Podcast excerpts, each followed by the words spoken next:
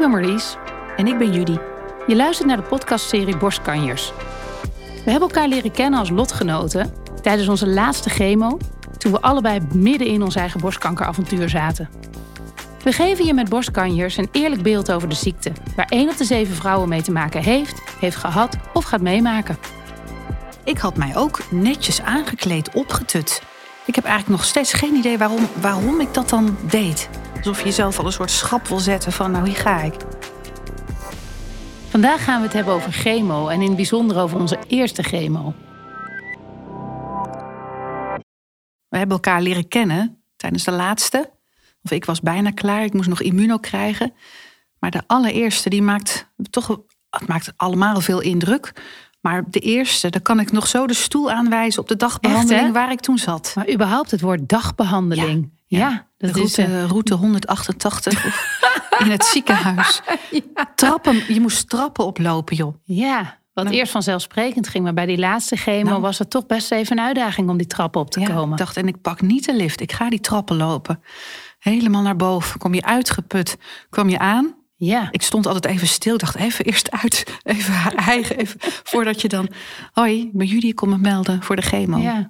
En na een paar keer hoef je dat ook niet meer te zeggen, want dan zeggen Nee. ze: Ha, Judy, Ja. ha, Marlies, Ja. kies maar een stoel die je fijn vindt. ja. Ja. Hoe ging het bij jou? Was, wie was er iemand mee? Of eh, hoe ging dat? Ehm, het was coronatijd en ze zeiden: normaal gesproken mag er altijd iemand mee, maar in dit geval mag er één persoon mee en die mag een half uurtje blijven. Ja. Nou, Bart, mijn vriend, is meegegaan. En ik weet nog goed, ik had me mooi aangekleed. Ik had mijn laptop bij me, omdat ik dacht, nou, mooi, vier uur lang zitten. Kan ik Ja. best wel even wat werk doen. En ehm, we mochten een plekje uitkiezen. Ik vond het bij het raam wel fijn. Ik dacht, heb ik toch een beetje mijn eigen hoekje. Ja. En wat me meteen opviel was ja, die reusachtige stoelen, groene stoelen. Maar het gaf mij ook een beetje een soort business lounge gevoel. Zoals je op het vliegveld wel eens kan hebben. Ja.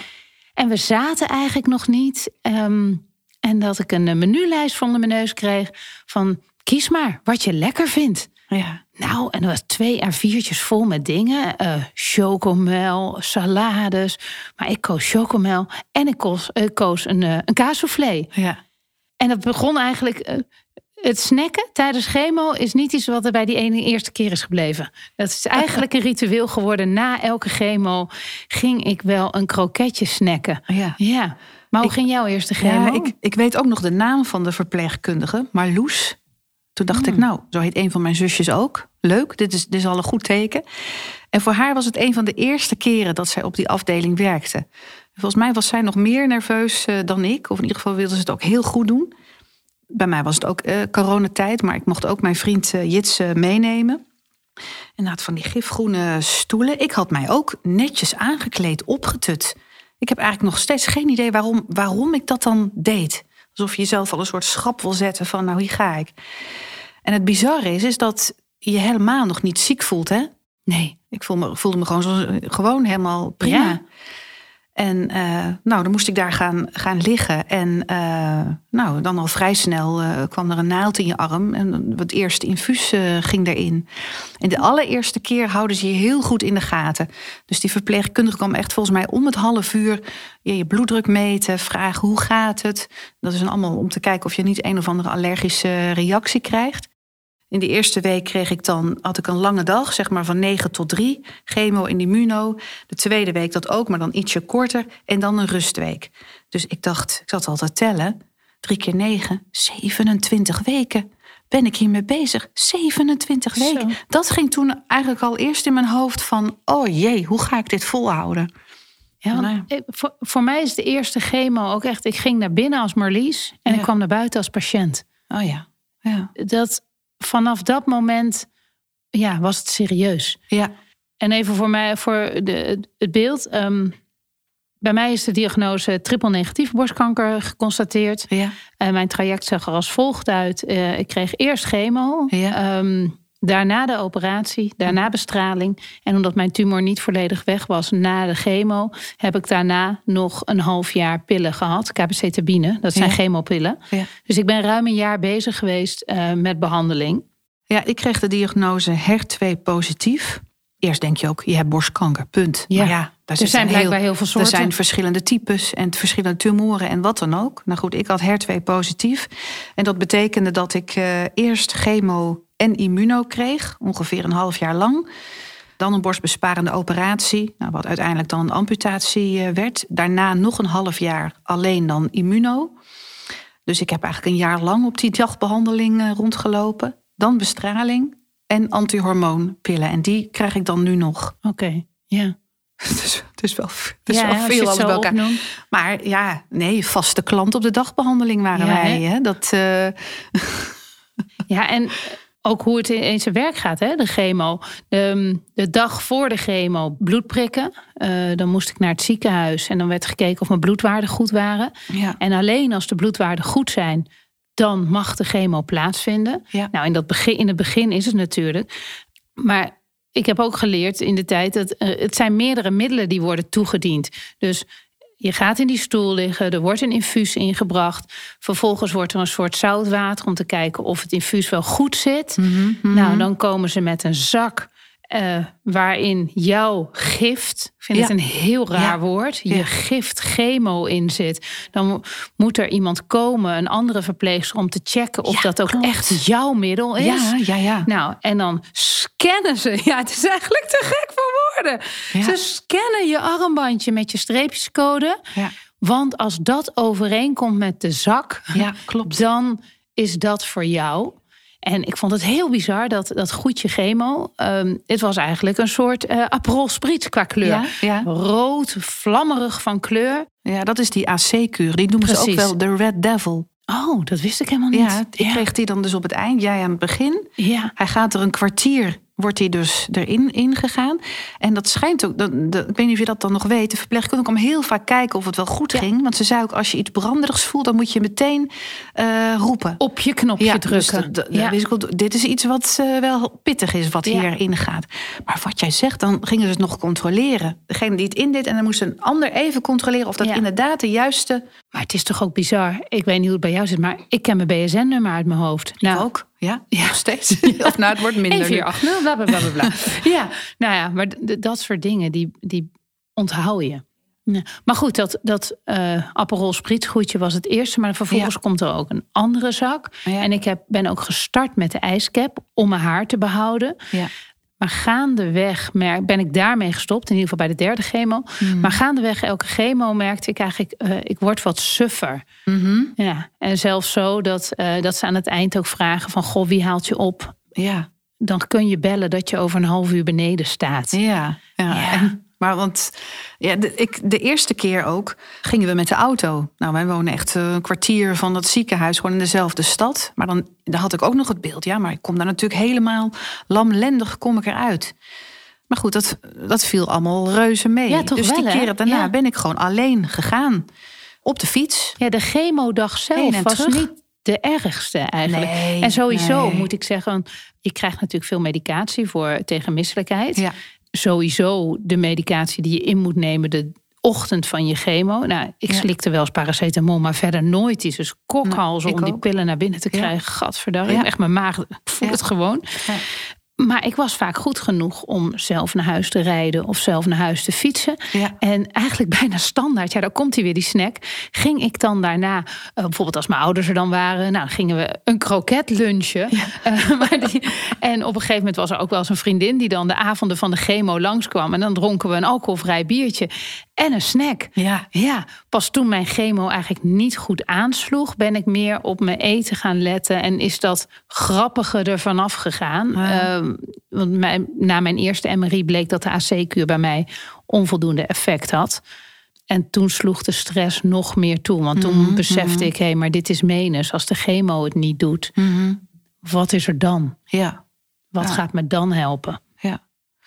Want hoe heb jij je gevoeld? Eh, inderdaad, die eerste chemo, ja, dan, dan, dan voel je inderdaad nog niet heel veel. Ik weet ook nog dat ik wel thuis ook appjes kreeg van vrienden. Hoe voel je je? Hoe voel je? Iedereen wil Ja. eigenlijk weten van eh, wat voor effect eh, geeft het. Nou, eigenlijk als ik terugkijk op mijn chemotijd, het zwaarste vond ik het psychisch. Eh, fysiek trok ik het eigenlijk best prima. Ja. Ik ben al die tijd heb ik kunnen wandelen, heb ik de kinderen naar school kunnen brengen. Ik heb wel geteld één dag op bed gelegen. Mhm. Eh, tuurlijk ging ik smiddags wel even tv kijken. Mijn favoriete programma Binnenste Buiten. Ja. Eh, dus ik rustte wel wat. Maar eh, nou, misschien de conditie van een fitte 80-jarige. Ja. Zo zou ik mezelf willen noemen tijdens de chemo. ja. Nou, en jij? Ja, ik, ik was eigenlijk ook nog best wel, best wel actief. Als je dan op die dagbehandeling zit, dat je zoveel oudere mensen wel om je Oh. heen ziet. Hè? En dat ik dacht van, wat doe ik hier eigenlijk? Dat. Dit, ik hoor hier helemaal niet te zijn. Dus dan was ik blij als ik een lotgenoot zag van ongeveer dezelfde leeftijd. Maar ik was ook nog best wel. Ik had soms wel een paar dagen, zeker na verloop van tijd, dat ik me wat minder voelde. En wat, wat vaker wel even zo in bed ging liggen. En nou ja, het eten smaakt niet meer. Eh, je, je voelt je wel echt anders. Ik vond het al geheel, ook al heb ik heel veel nog kunnen doen. Ja. En ook kunnen lachen en, en eh, actief. Maar ik kan wel zeggen dat ik de hele chemoperiode veel zwaarder vond dan het amputeren van mijn borst. Een vriend zei wel eens van jeetje, dat geeft al wel aan Ja. wat voor traject je door Ja. bent gegaan. Maar het is ook best bizar. Hè? Mijn zoontje zei op een gegeven moment: Mama, ze beschieten een mier met een tank. Ja, En het feit dat je een half jaar lang eigenlijk aan de allesreiniger, want zo, ja, zo Ja. zie ik eigenlijk wat er door je heen gaat, moet liggen. In de hoop dat de cellen doodgemaakt zijn, kapot gemaakt worden. Dat besef groeide meer en meer tijdens de chemo's. Dat ik besefte, jeetje, wat voor enemy zit er in mij dat Ja. dit nodig is. ja, ja. Ja, en ik weet ook nog dat ze dan een chemotoilet hebben op, Oh ja. de, op de dagbehandeling. Dat wordt dan ook verteld. Je hebt een gewoon toilet voor de verpleegkundigen of voor de bezoekers. En dan een apart toilet. Eh, iedereen die chemo krijgt, die moet daar, daar dan naartoe. Want ja, dat geeft ook al aan wat er allemaal in je lichaam eh, gaat. En dan de eerste keer dacht ik, ja, nu moet ik toch echt naar het toilet. En dan dat je dan eh, die, die infuuspomp hebt met die zak eraan. En toen zag ik mezelf ook echt zo lopen zoals je altijd in de film ziet. eh, Ja. dus, en dan ook in het toilet denk je, oh ja, hoe doe ik dan die broek door? Je wil ook niet dat dat slangetje dan eh, losraakt.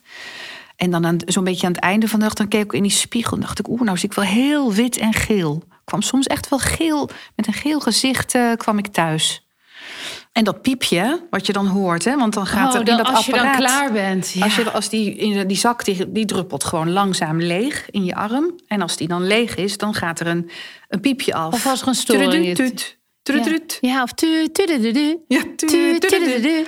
Oh, en die hoorde je niet alleen bij jezelf, Nee. die hoorde ik ook bij anderen. En Ja. als ik dat nu in een tv-serie of als ik weer zo'n unit zie die naar je toe wordt gereden als je in het ziekenhuis bent Ja. met een thermometer en met al dit eraan, dan dat Ja. doet me Ja. wat. Dat, En dat was heel fijn als verpleegkundigen dan gewoon heel snel kwamen, meteen op dat piepje reageren, afkoppelen en een nieuwe zak erin. dat verschilde En echt ik- per verpleegkundige. Ja, ik weet nog dat ik toen ik echt bijna klaar was, nou ja, dan ben je al helemaal zo mondig en alles. En dan toen, toen was aan het einde van de dag. Het was ook al een beetje, een beetje herfst, winter. Dus het werd al een beetje donker buiten. Er zaten niet veel mensen meer. Ik en nog een ander. Die verpleegkundigen zaten lekker thee te drinken. En dan ging die mij... toen- Jij doet ja dat piepje. En toen kwam er niemand. En dan ben ik met die pomp echt zo over die... Hallo, kan, kan iemand mij loskoppelen? Ik wil ook naar huis. Ja, nee. En al die bloedcontroles, hè? dat zeggen ze dat- er van tevoren ook niet bij. Niet dat dat moet, maar Nee. Is mijn bloed goed genoeg dat ik weer de Ja. chemo in mag? Ja, dat is wel een, dat is wel Wordt een een ding. streven op zich op een gegeven moment. Ik zat toen ook eh, een van de eerste keren en toen was er een andere vrouw zat tegenover mij en eh, toen tegen haar vertelde ze van ja, sorry, maar je bl- bloedwaardes zijn toch niet goed, dus je moet toch weer naar huis. En die vrouw die begon te huilen. En toen werd ze ook echt getroost door die verpleegkundige Mm. van eh, het geeft helemaal niet. Je kan echt een paar dagen wachten. Zie het als extra tijd om eh, uit te rusten en dan kom je dan weer. En dat heb ik toen ook wel in mijn oren geknoopt. Dat ik dacht, als, als me dit gebeurt, waarvan ik dacht, dit gaat een keer gebeuren, dan hoef ik niet in paniek te raken. Maar goed, dat deed ik toch. Ik baalde wel dan als het niet goed was. Ja, en dan, dan sta Ja, je gewoon onrold even. Ja, dan verlies ik ook een stukje een soort, eh, controle. ja. Want ergens was dat hetgeen. Ik, je deed er alles aan en tegelijkertijd. Of tenminste, ik weet dat ik er alles aan deed. Ik ging extra vlees eten om te zorgen dat mijn ijzerwaarden goed waren. Eh, ik, ik bleef fit, probeerde zoveel mogelijk fit te blijven. Ja. Ehm, in de hoop dat mijn bloedwaardes goed zouden zijn. Ja, Maar eigenlijk Ja. heb je er gewoon helemaal geen invloed Nee. op. nee. Maar het was mijn laatste chemo. Ik lag daar nog te wachten op mijn bloeduitslag. Mag ik de laatste keer? En ik weet nog dat Bart Die zat echt op de app te wachten van... ja, als we deze hadden, dan, dan waren we klaar. Ja, Ja, en ja. ik had chocolaatjes meegenomen, goud verpakte chocolaatjes... met Voor een wie? briefje voor, Voor- de Voor de verpleegsters. ja. Jullie zijn goud. En dat vind ik echt oprecht. En ik vind het echt zo pijnlijk dat die mensen onderbetaald worden. Want als er echt mensen oog voor de patiënt hebben en liefde geven, dan zijn zij het. Mhm. Maar ik lag daar te wachten op mijn uitslag of ik wel of niet door mocht. En toen kwam jij binnen. ja. Ik dacht, oh, een jonge vrouw. Ja, ik zag, ik zag je ook. En volgens mij heb ik ook expres zo, eh, doe maar die stoel naast Ja. jou. Want ik had je al een keer eerder gezien. Dus het trok wel aan. En volgens mij, eh, ja, jij mocht door. En Ik wist dat we nog een uur hadden of zo. Ja. En toen hebben we ook heel veel gepraat, heel veel uitgewisseld. Zo fijn. Ja, Want dat, het, mom- het traject daarvoor heb ik ook lotgenoten gehad die me konden helpen. eh, die via via me aangereikt, of eigenlijk op mijn pad kwamen. ja, En vanaf het moment dat ik jou heb leren kennen, konden wij elkaar door de operaties heen slepen. Want dat is natuurlijk wel heel bijzonder, hè? Dat wij op dezelfde dag Ja. onze operatie hadden Ja. in het Antonie van Leeuwenhoek. ja. Op dezelfde Zelfde uit, de uitslaapkamer, kamer daarna. Ja, bij dezelfde arts. ja, Het is een heel eenzaam proces, ondanks dat er zoveel mensen ja. met, met me meeleven. Maar uiteindelijk, al die naalden zijn in mij gegaan. Al die vloeistof is in mij gegaan. Ehm, en dan is het zo fijn dat we elkaar daarin begrijpen. Ja. En dat is wel echt het geheim van lotgenoten en de kracht van lotgenoten. Dankjewel voor het luisteren. En hopelijk we je een beetje kunnen steunen als lotgenoten onder elkaar. Of heb je iets aan ons verhaal gehad? Luister ook naar onze andere afleveringen in je favoriete podcast-app en laat een review achter, want dan wordt de podcast beter gevonden door andere luisteraars. Borstkanjes is een initiatief van Marlies Toussaint, Judy van der Linden en podcastbureau As We Speak.